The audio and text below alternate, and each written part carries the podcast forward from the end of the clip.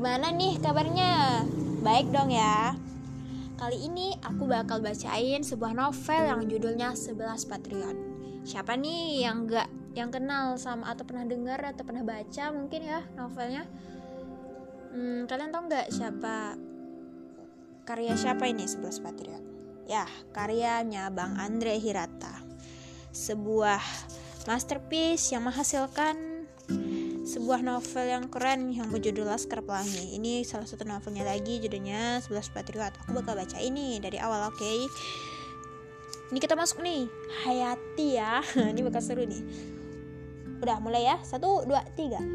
Untuk ayahku, untuk PSSI, untuk rakyat Indonesia. Indonesia, aku datang. Indonesia, engkau menang. Mulai nih, kita masuk ke bab satu. Ayah di sini. Semua hal yang pernah kuingat tentang ayahku adalah biasa saja, sangat biasa. Ingatan pertama tentang ayah tampak seperti gambar yang samar, yaitu pada suatu malam aku duduk di tengah sebuah ruangan dengan dua anak lain. Yang belakang hari nanti, mereka adalah Terapani si pemalu dan Mahar si bergajul. Dan kami menggoda seekor luwak yang baru ditangkap sang tuan rumah. Seorang pemburu tua Belasan lelaki duduk bersila di atas tikar lais. Meski samar, hari ini kuingat, yaitu lampu badai direndahkan ke kandang yang dibuat dari jalinan akar binar di, di mana luak itu kekenyangan, termenung dan tak peduli. Kuingat suara entok bertengkar di bawah lantai papan. Dan kuingat lelaki-lelaki yang duduk melingkar itu bersenda gurau tentang kami. Tiba-tiba Mahar dengan jarinya menyentuh hidung luak. Binatang malam itu tersentak lalu mencakar garang. Macam kucing tandang, ia mendesis-desis. Kami terperanjat, terjajar mundur, lalu merang merangkak terbirit-birit menuju lingkaran lelaki tadi. Masing-masing menuju lelaki tertentu, ayah-ayah kami. Lelaki yang ketujuh serta merta bangkit dan terseok-seok menyongsongku.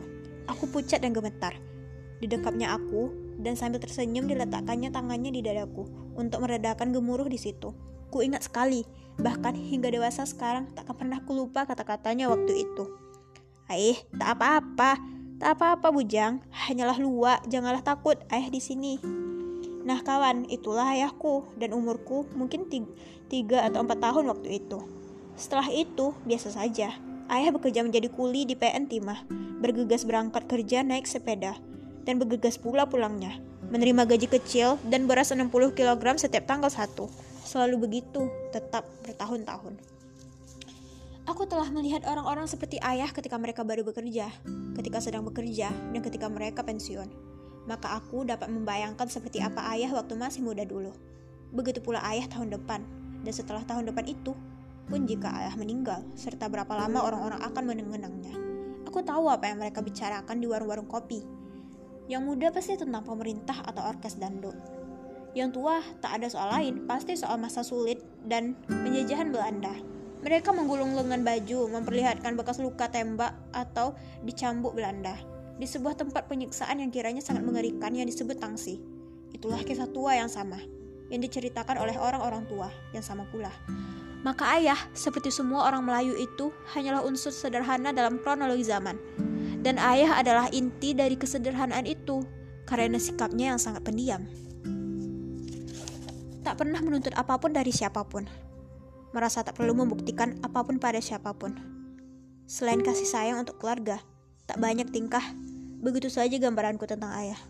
Sampai ketemukan sebuah foto yang menjungkir balikkan gambaran itu. Yang membuat kisah hidupku tak ubahnya catatan kaki saja dibanding kisah hidup ayahku. Oke, kita masuk ke album eh ke bab kedua. Judulnya album foto. Oh, jadi ceritanya ini kayak Ikal eh siapa namanya? Iya Ikal kalau nggak salah ya guys. Ikal nih mengenang masanya yang kayak paling teringat paling terbersit tentang ayahnya ya masa-masa itu tentang luak tadi ya. Kita lanjut ke bab kedua album foto. Telah kutemukan dalam buku sejarah bahwa timah berlimpah di pulau kami, Belitung, membuat Belanda bernafsu mengeruk sebanyak-banyaknya. Ya, zaman dulu ya gitu ya guys. Berebut kekuasaan sesama kolonial menambah ambisi sebanyak-banyaknya, itu dengan secepat-cepatnya. Dalam putaran kurasan dan dahsyat itu, anak-anak lelaki Melayu di bawah umur diseret ke parit-parit tambang untuk kerja rodi. Di antara anak-anak lelaki kecil itu, terdapat tiga anak masing-masing berusia 13, 15, dan 16 tahun. Mereka saudara kandung, dan dipaksa Belanda meninggalkan rumah untuk menggantikan ayah mereka yang hampir sepanjang hidup telah ditindas Belanda sampai, lu sampai lunas tenaga dan usianya. Ketiga anak itu bergabung dengan ratusan anak seusia mereka bergelimang lumpur, membanting tulang sepanjang waktu, wajib ganti tenaga adalah tradisi yang diciptakan kolonial di tanah Melayu dan berisiko tembak di tempat bagi pembangkang. Hmm, ngeri juga ya guys, ngeri banget. Kita bersyukur lahir di zaman yang sekarang. Jangan lupakan jasa para pahlawan kita terdahulu pernah tercatat beberapa perlawanan yang pernah diletuskan rakyat. Namun, kaum yang rendah hati dan turun-temurun tak mengenal kekerasan itu selalu diberi contoh mengerikan atas niat pemberontakan. Belanda tak sungkan membakar kampung dan membunuh setiap orang tak peduli setiap orang, tak peduli wanita, anak-anak dan orang tua. Dengan cara keji ini, kolonial melenggengkan kerja paksa bagi pribumi. Waktu demi waktu berlalu, tertindas di bawah penjajahan, rakyat menemukan caranya sendiri untuk melawan para penyelam tradisi tradisional melawan dengan membocorkan kapal-kapal dagang Belanda yang mendekati perairan Belitang. Para pemburu melawan dengan melacuni sumur-sumur yang akan dilalui tentara Belanda. Para imam membangun pasukan rahasia di langgar-langgar. Para kuli, para kuli parit tambang melawan dengan sepak bola. Setelah kejadian dengan Luak bersama Trapani dan Mahar itu, kami masuk sekolah. Waktu kelas 5 SD, di rumah, aku menemukan sesuatu di bawah tumpukan pakaian bekas. Benda itu adalah sebuah album foto yang sepertinya sengaja disembunyikan di situ. Ketika aku lihat-lihat album itu, ibu serta merta merebutnya dariku sambil melontarkan peringatan agar jangan sekali-kali lagi aku bermain-main dengan album itu. Yang kemudian dipindahkan ibu dari yang tadinya di bawah dipan dan sekarang entah di mana. Ku cari-cari album itu di tempat-tempat ibu, biasanya menyembunyikan sesuatu. Misalnya di bawah kasur, Misalnya di bawah kasur tak ada dan di dalam kasur tak ada. Akhirnya album itu ketemukan di dalam sebuah kaleng. apa? Di atas sebuah lemari rustik yang tua. Ah, senangnya melihat foto-foto yang lama. Larangan ibu membuat album itu semakin menarik dan yang paling menarik adalah sebuah foto hitam putih yang samar dan berbintik-bintik. Di rusak usia, aku curiga, mungkinkah foto inilah yang membuat ibu melakukan bermain-main dengan album ini? Sebab ketika memergokiku kemarin, foto itu yang sedang kupandang-pandang. Foto itu adalah seorang yang sedang memegang sesuatu yang seharusnya membuat dia senang. Namun, dia tidak tertawa, tidak pula tersenyum. Aku tak mengenalnya karena pada bagian wajah tak jelas, dan karena wajah yang tak jelas itu asing bagiku. Sulit kuhubungkan dengan siapa pun yang telah kukenal.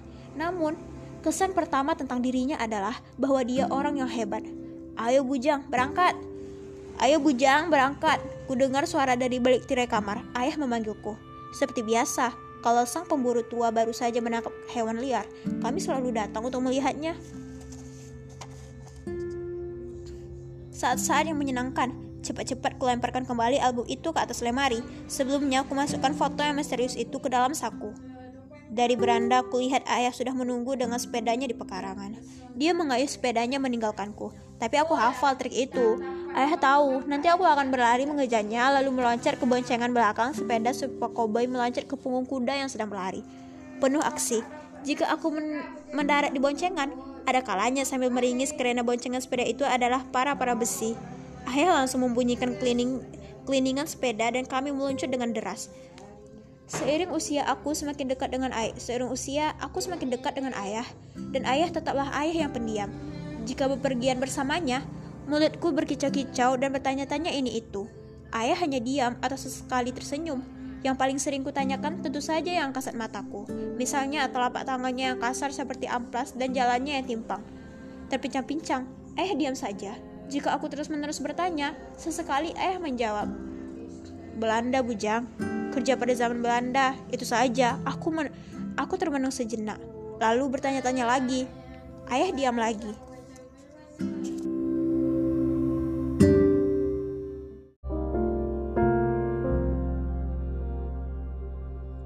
Halo teman-teman, kali ini aku bakal lanjutin bacaan novel 11 Patriot yang kemarin. Sekarang lanjutannya yaitu subjudul yang ketiga, yaitu judulnya Tiga Saudara. Aku langsung mulai ya. Setelah sekian lama menjarah hasil tambang Belitung, tibalah saatnya VOC membentuk maskapai timah. Semula, tambang berada di bawah pengawasan tentara Belanda.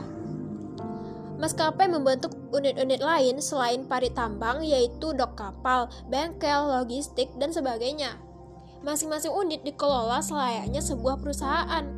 Para karyawan diberi kesempatan membentuk tim olahraga. Meski begitu, ketidakadilan dan kekejaman tetap saja merajalela. Bahkan semakin kejam di bawah pimpinan distrik Behender Van Holden yang membawahi wilayah ekonomi Pulau Bangka dan Belitung. Van Holden lah yang membangun Tangsi. Di Tangsi, para ekstremis dibedil tanpa ampun atau disiksa hanya karena sebuah kejadian sepele yang dianggap mengganggu wibawa kolonial. Misalnya, tidak menunduk jika melewati bendera Belanda, tidak turun dari sepeda jika berpapasan dengan Belanda. Cukup dengan menggertak dengan kalimat diangkut ke tangsi, siapa pun bergidik. Kalimat itu kemudian menjadi semacam anekdot ancaman bagi orang Melayu turun-temurun. Hingga Belanda hengkang hingga saat ini Ironi yang sesungguhnya terjadi. Van Holden memerintahkan agar hari lahir Ratu Belanda diperingati di tanah jajahan. Orang-orang Melayu dipaksa memeriahkan hari kelahiran Ratu dari bangsa yang terang-terangan di siang bolong menindas mereka. Perayaan itu ditandai dengan pertandingan olahraga dalam kompetisi Piala Distrik Behender. Orang jajahan bertanding sesama orang jajahan, atau Belanda melawan orang jajahan. Tapi tentu saja, sehebat bagaimanapun, orang jajahan tidak boleh menang melawan penjajah. Hm. Para pelari maraton yang sudah dekat garis finish harus memperlambat larinya demi menunggu para pelari Belanda dan membiarkan company menjadi juara. Dalam lomba renang, orang Melayu terpaksa harus berpura-pura habis napas, bahkan tenggelam daripada kehabisan nyawa di dalam tangsi. Rusli Makadam sebenarnya pintar main catur dan selalu menjadi juara di kampung. Jika melawan Belanda, dia melihat dia melihat luncus seperti baru berjumpa lagi dengan saudara jauh yang telah puluhan tahun merantau. Lim Kiao yang sangat jago main bulu tangkis melampaui poin pemain Belanda. Meski pada akhir pertandingan dia telah membuat dirinya kalah, dia telanjur dicap lancang, telah mempermalukan Belanda. Orang kayak orang kayak itu kemudian dilarang main bulu tangkis seumur hidupnya. Asin, pelatih sekaligus pemilik klub di mana Lim Kyu dibina, kena getahnya. Dia dipanggil ke tangsi dan esoknya pulang dalam keadaan babak belur. Sebilah giginya tanggal. Dia dilarang melatih bulu tangkis. Dia disuruh melatih kasti.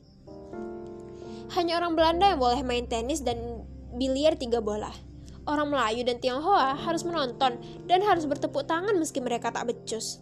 Sebaliknya, Belanda memerintahkan pribumi untuk berkelahi sesama mereka dalam pertandingan gulat. Tak ada orang Belanda ikut dalam cabang ini. Orang pribumi diadu macam ayam macam ayam jago. Belanda terbahak-bahak menontonnya dari podium kehormatan.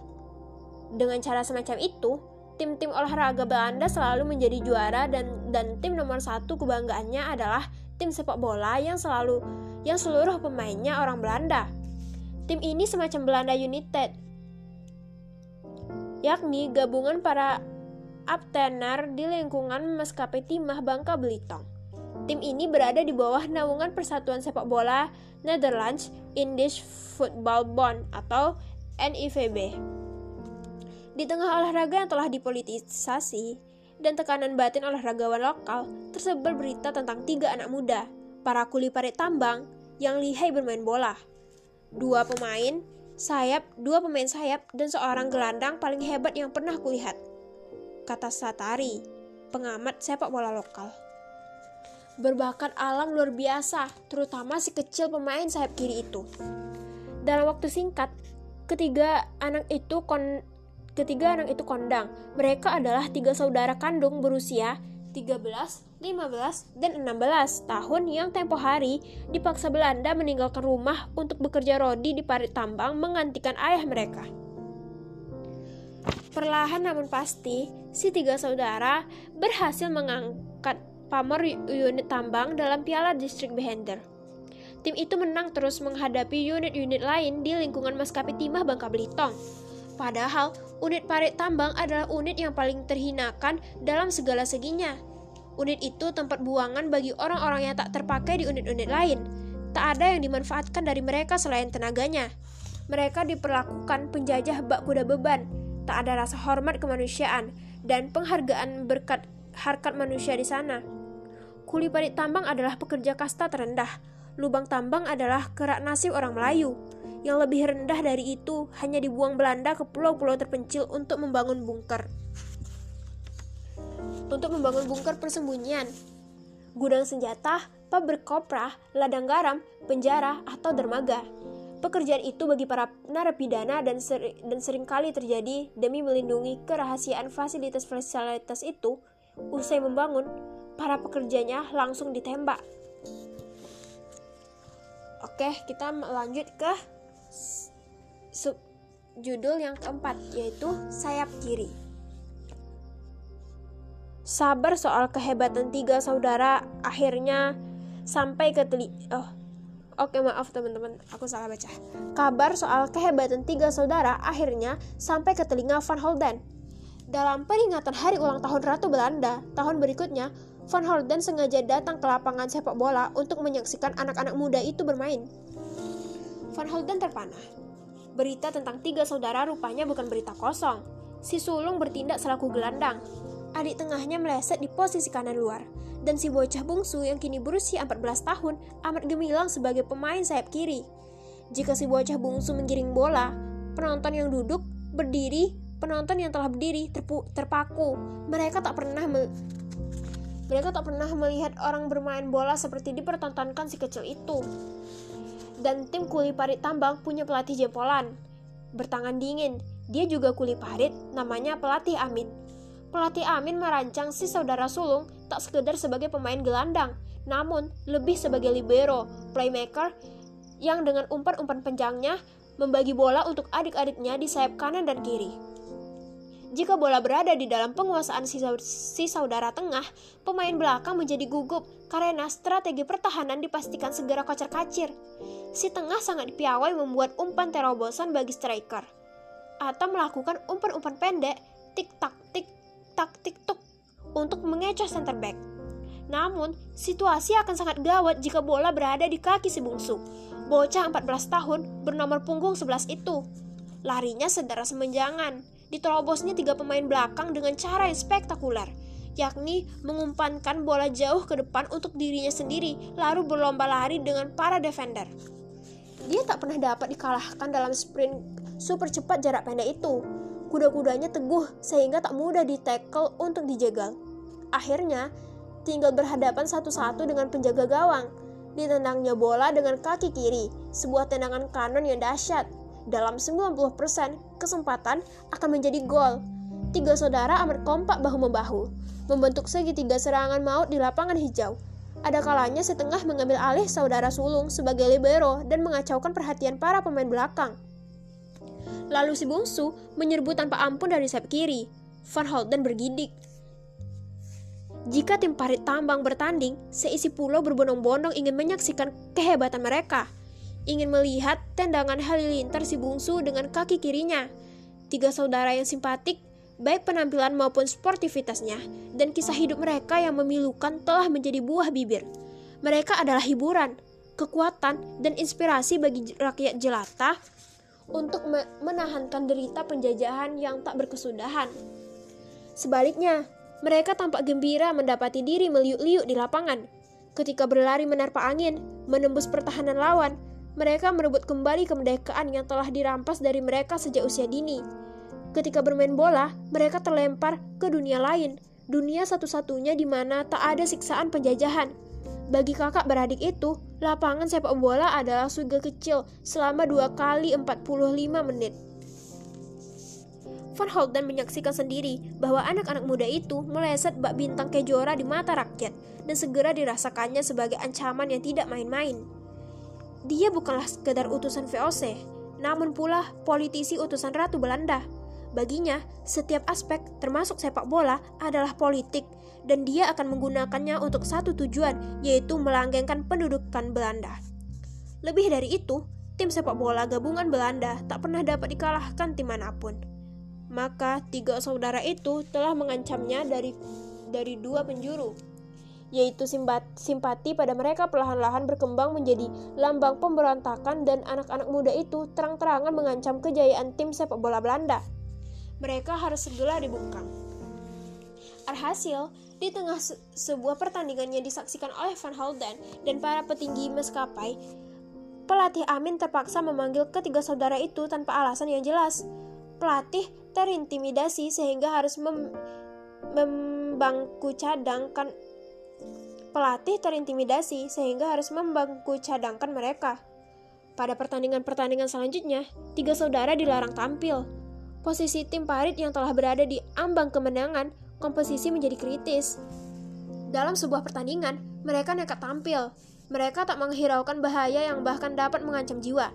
Mereka tak dapat menahan diri untuk tidak bermain sepak bola karena sepak bola adalah kegembiraan mereka satu-satunya. Karena mereka tahu bahwa sepak bola berarti bagi rakyat jelata yang mendukung mereka. Lapangan bola adalah medan pertempuran untuk melawan penjajah. Pertandingan yang penuh dengan ketakutan itu berlangsung seru. Tim kuli parit tambang menang dengan gol yang diciptakan si saudara tengah. Meski getir, dengan gagah berani, ribuan penonton bersorak-sorai mendukung mereka. Usai pertandingan, pelatih Amin dan tiga saudara kena ringkus tentara beranda. Atas perintah distrik Beherder, kalian ditangkap. Esoknya, pelatih Amin dan tiga saudara keluar dari tangsi dalam keadaan babak belur. Orang-orang kampung yang menunggu di luar tangsi menyongsong dan memapah mereka. Sejak itu, pelatih Amin dilarang terlibat dalam sepak bola.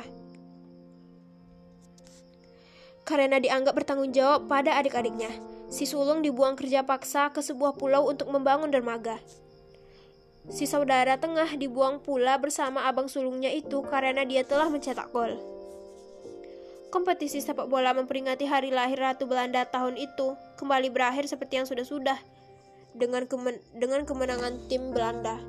Di final Belanda berhadapan dengan tim Parit Tambang yang telah lumpuh karena ditinggalkan pelatih Amin dan tiga saudara. Mereka kalah telak Mengenai si bocah bungsu, dia kembali bekerja rodi di parit tambang. Lalu terdengar kabar bahwa dia dipanggil Van Holden untuk memperkuat tim Belanda dalam sebuah pertandingan persahabatan sesama orang Belanda. Pada hari yang telah ditentukan, si bungsu tidak hadir. Dia menolak bergabung dengan tim penjajah kaumnya. Dengan membangkang, dia merasa telah membela abang-abangnya. Membela bangsanya. Itu sesungguhnya tindakan berani mati yang tak terbayangkan akibatnya si bungsu diangkut ke tangsi. Beberapa hari kemudian, tentara mencapakkannya keluar gerbang tangsi dalam keadaan luka parah. Lalu seperti kedua abangnya, dia dibuang bersama para narapidana ke sebuah pulau di barat Belitung untuk membangun mer merkusuar. Rakyat putus harapan. Sulit mengharapkan tiga saudara kembali ke kampung dalam keadaan hidup. Kawan, si bungsu itu yang diseret ke parit tambang sejak berusia 13 tahun. Seorang pemain sepak bola sayap kiri berbakat alam luar biasa yang berlari sederas menjangan, yang mampu melewati tiga pemain belakang lalu menendang bola sekuat kanon dengan kaki kirinya. Yang dibuang Belanda bersama para narapidana ke pulau terpencil karena membangkang yang menolak untuk takluk adalah lelaki yang kemudian hari nanti menjadi ayahku. Nah guys, jadi tiga saudara ini yang si bungsu itu merupakan ayah si Ikal guys. Nah kan sebelum-sebelumnya kaki si ayah Ikal ayah Ikal ini kan jalannya pincang nih. Nah karena disiksa karena dulu disiksa di tangsi itu guys oke kita lanjut ke uh, ke subjudul yang kelima judulnya kisah lama Sementara itu, aku masih saja menyimpan foto yang kucuri dari album foto milik ibu itu. Sekarang aku telah kelas 6, maka foto itu telah setahun bersamaku. Ia kusimpan di antara lembar-lembar buku catatan sejarah, karena aku anggap bersejarah. Aku semakin menyukai getaran-getaran misterinya. Ia sendiri setiap kali kupandang seakan menjanjikan sesuatu untukku. Kadangkala ia bak lapisan-lapisan dan aku disuruhnya membongkar lapisan-lapisan itu. Atau ada kalanya ia seperti sesuatu yang sedang menungguku. Nasibkah yang sedang menungguku? Ataukah aku terlalu kecil untuk memahami tanda-tanda ini? Aku ingin sekali tahu kisah di balik foto itu. Nah, jadi guys, ini kayak uh, bagian yang sebelumnya yang keempat tadi subjudul yang keempat tadi itu uh, itu kayak menjelaskan kepada pembaca mengenai kisah si tiga saudara yang merupakan salah yang si bungsu merupakan ayah si Ikal ini. Nah ini lanjut ke cerita yang sekarangnya alur maju sekarang lanjut ke Ikalnya Ikalnya belum tahu ya guys ceritanya. Aku ingin sekali tahu kisah di balik foto itu, namun tak tahu kepada siapa aku harus bertanya. Tak mungkin kutanyakan pada ibu, karena foto itu adalah larangannya. Jika dilarang ibu, umumnya pasti dilarang ayah, maka keduanya tidak mungkin. Lagi pula, ayah tak pernah berniat menjelaskan hal-hal semacam itu. Perlukah kutanya pada orang-orang tua seangkatan ayah? Masalahnya, ayah sudah sangat sepuh. Sebagian besar sahabat seangkatannya telah meninggal kecuali sang pemburu tua. Foto itu kubawa ke rumahnya dan kutanyakan. Siapakah orang ini Pak Cik? Tanyaku. Pemburu terkejut. Ah, itu ayahmu, ayahmu sendiri, Ikal. Kini aku yang terkejut. Direbutnya foto itu dari tanganku. Diamatinya baik-baik. Oh, masa-masa yang hebat, hebat sekali. Pemburu sangat senang, namun matanya berkaca-kaca. Aku memintanya berkisah tentang foto itu. Sejurus kemudian, aku tak dapat bergerak karena takjub. Pemburu bercerita soal tiga saudara berusia 13, 15, dan 16 tahun yang dipaksa menjajah menggantikan ayah, penjajah menggantikan ayah mereka untuk bekerja di parit tambang. Dari pemburu, kemudian aku tahu soal Van Holden dan piala distrik Beherder. Aku tahu soal perlakuan diskriminatif dan kekejaman penjajah pada para olahragawan lokal. Dadaku mau meledak mendengar kisah ayah dan kedua abangnya di lapangan hijau dan betapa mereka dulu pernah menjadi inspirasi bagi banyak orang. Sesak aku demi mengetahui ayah telah diperlakukan Belanda di Tangsi, lalu dibuang ke pulau untuk membangun mercusuar. Berkali-kali aku menunduk dan menahan air mata mendengar kisah dari pemburu. Namun, aku mau mendengar semuanya. Bagaimana ayah dan paman-pamanku bisa kembali dari pulau itu? Tanyaku. Pemburu menjelaskan bahwa jika yang dibangun adalah mer mercusuar dan dermaga, maka seluruh pekerja dapat kembali pulang jika yang dibangun gudang senjata atau bunker jarang yang kembali. Diceritakan bahwa diceritakan bahwa sekembalinya dari Pulau Buangan, suasana berubah karena menjelang tahun 1945, Belanda mulai terancam. Ayah dan abang-abangnya dikembalikan untuk bekerja di perit tambang. Tak lama kemudian, ada lagi kompetisi sepak bola. Pelatih Amin dan tiga saudara kembali dilarang terlibat dalam sepak bola. Namun, mereka tak menghiraukan larangan itu. Sebelas pemain, sebelas pemain, sebelas patriot berbaris tegak. Tak da, tak dapat lagi ditakuti Belanda. Jantungku berdebar-debar mendengar kisah pemburu tentang pertandingan final yang seru antara tim Belanda melawan para kuli, kuli parit tambang.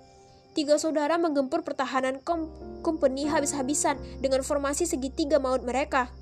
Kakak beradik itu bahu-membahu menggebrak dan menyerbu tak kenal lelah si sulung memberi umpan pada adiknya di si tengah. Si tengah melanjutkan umpan itu pada si bungsu. Jika si bungsu menggiring bola, abang sulung dan abang tengahnya berlari menggiringnya untuk mendukungnya. Akhirnya, si bungsu berhasil. Eh, maaf guys. Akhirnya, si bungsu berhasil mencetak satu-satunya gol dalam pertandingan per pertaruhan martabat itu. Untuk pertama kalinya, selama pendudukan Belanda, tim Belanda berhasil dikalahkan Diceritakan pemburu bahwa ribuan penonton menyerbu lapangan untuk menyambut ayah. Ayahmu berteriak-teriak, "Indonesia! Indonesia! Indonesia!" Tubuhku gemetar. Disambut ribuan penonton Indonesia, Indonesia. Pemburu terdiam lalu menatapku. Berat baginya untuk melanjutkan ceritanya. Foto ini diambil usai pertandingan itu. Pemburu mengusap-usap foto itu. Dia bersedih Belanda berang mendengar ayahmu tak berhenti berteriak Indonesia. Pemburu tercenung. Lalu melanjutkan. Pelatih Amin, ayahmu, dan abang-abangnya diangkut ke tangsi. Mereka dikurung selama seminggu. Ayahmu pulang dengan tempurung kaki kiri yang hancur. Dia tak akan pernah bisa main sepak bola lagi. Usianya baru 17 tahun. Aku tertegun. Ku terima kembali foto itu dari pemburu. Tanganku bergetar memegangnya. Kini aku mahfum mengapa ibu melarangku melihat foto itu dan mengapa album itu dan mengapa album foto itu disembunyikan. Karena di balik foto kemenangan ayah yang tengah memegang piala itu tersembunyi sebuah kisah yang pahit. Aku bersyukur karena tak sempat menanyakan soal foto itu pada ayah. Kini aku mengerti mengapa foto itu selalu tampak bagiku seakan lapisan-lapisan kisah. Dan kini ku pahami mengapa di punggung ayah banyak bekas luka dan mengapa jika berjalan dia terpincang-pincang. Aku bergegas menuju sepeda. Aku mengayuh sepeda dengan kencang. Aku ingin segera menemui ayah. Sampai di rumah, kulihat ayah sedang di pekarangan membentulkan rantai sepedanya. Aku berlari ke arahnya dan memeluknya dari belakang. Ayah terkejut dan bertanya-tanya. Ayah bujang, mengapa kau ini? Ada apakah? Air mataku mengalir di bahu di bahunya. Digigit digigit digigit kumbangkah? Aku diam saja. Atau ulangan berhitungmu dapat nilai 4 lagi? Atau ulangan berhitungmu dapat nilai 4 lagi kah? Aku tak menjawab. Air mataku mengalir makin deras melihat bekas-bekas luka di punggungnya. Betapa aku telah salah menduga lelaki yang saya, lelaki yang senyap ini. Aih, tak apa-apa, hanyalah berhitung, janganlah takut. Dadaku mengembang karena bangga memeluk seorang patriot. Nilai 4 kan lebih baik daripada nilai 0. Aih, janganlah takut, bujang. Janganlah takut. Aku memeluknya makin kuat. Oke guys, sampai di sini dulu ya. Nanti kita lanjutin ke subjudul yang berikutnya yaitu komentator. Bye.